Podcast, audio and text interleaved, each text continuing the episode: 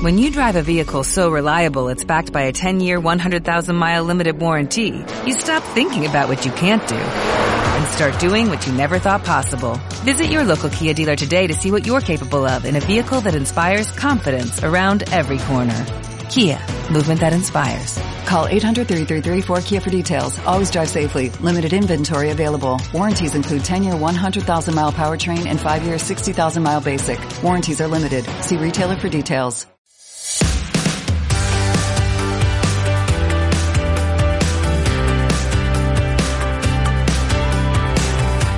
I al programa del dia Terres de l'Ebre donem pas a més continguts, a més temes. Unió de Pagesos denuncia que una nova instrucció de la Direcció General de Trànsit, depenent del Ministeri d'Interior, passa a considerar vehicles tots els arreus que necessiten una roda de suport per desplaçar-se.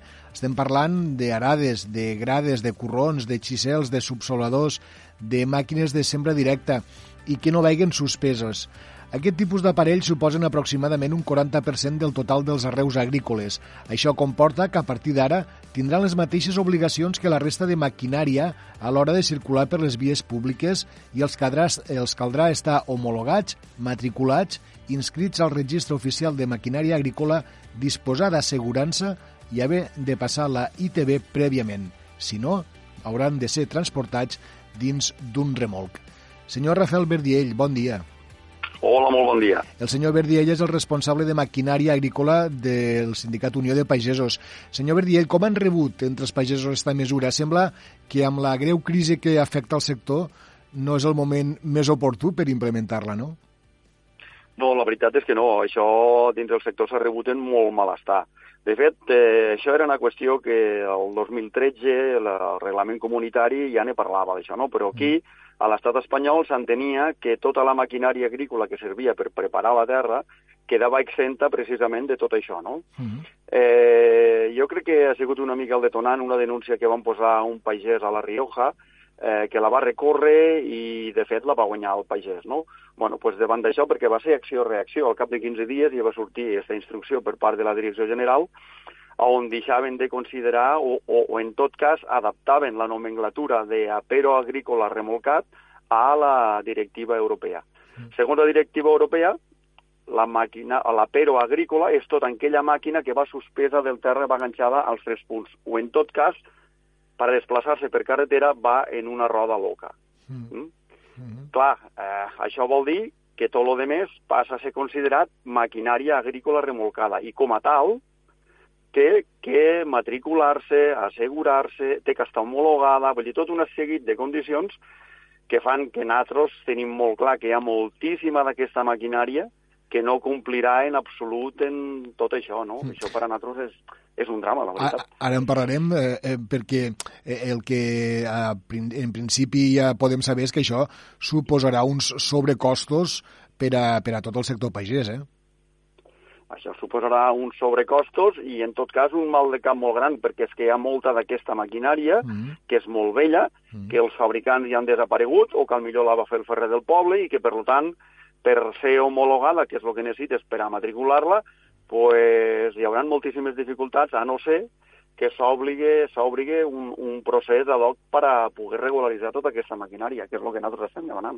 Eh, això és mm, perfectament entenible aquí al nostre territori per part de la pagia del nostre territori, vostè ho estava dient. Eh, estos suposats nous vehicles s'han d'homologar segons la normativa, però, eh, efectivament, com vostè dia, en molts de casos les feia el mateix ferrer al poble i, i per tant, és impossible que es puguin homologar.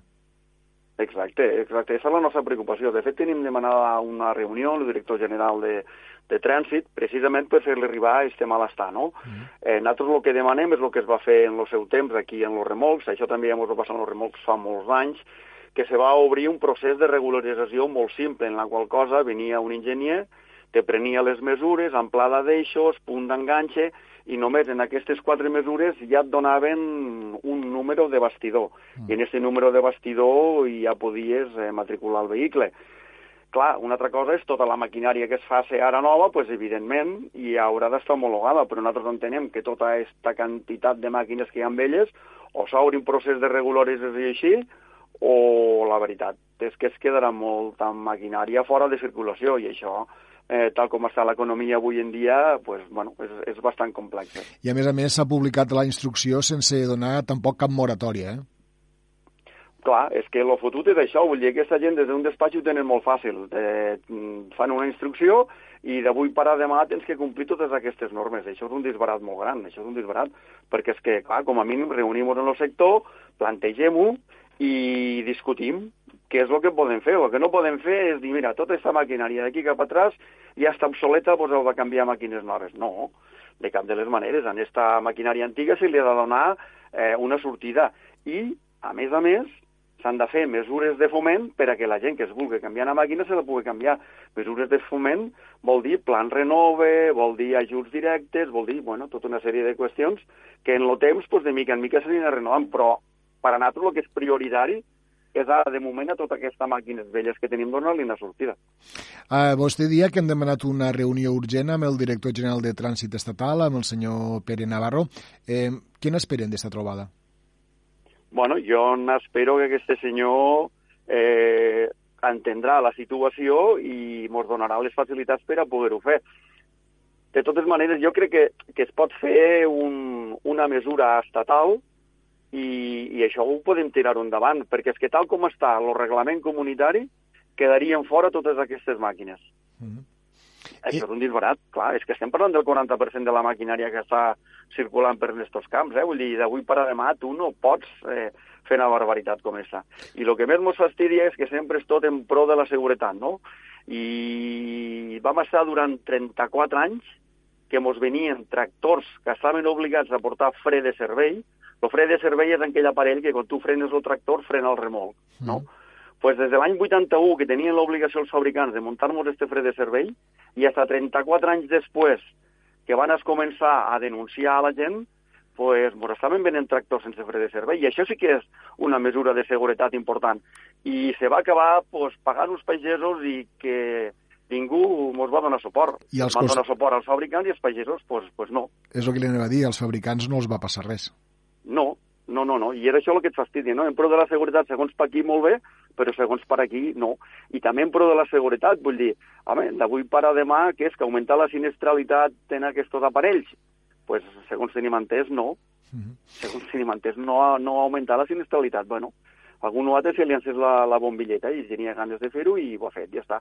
De fet, fa quatre anys vam estar al Centre de Mecanització de Madrid i allí ja ens ho van insinuar. I ara, l'any passat, també vam tindre una reunió en tres ministeris, Agricultura, Indústria i Interior, i ens ho van tornar a insinuar, no? I al final, doncs, bueno, ha sortit. Eh, és molt possible que ara mateix algun, eh, algun propietari de maquinària d'aquestes característiques o algun familiar ens estigui sentint eh, el nostre programa. De fet, som un territori on el sector primari és importantíssim a molts d'indrets, per a moltes famílies. Eh, què els ho podem dir, senyor Verdiell? Bueno, que els anirem informant, que tan aviat tinguéssim la reunió, els anirem informant. Vull dir, és un tema que ara no, no la mollarem i que l'anirem seguint i que farem tot el que estigui a les nostres mans per poder regularitzar tota aquesta maquinària.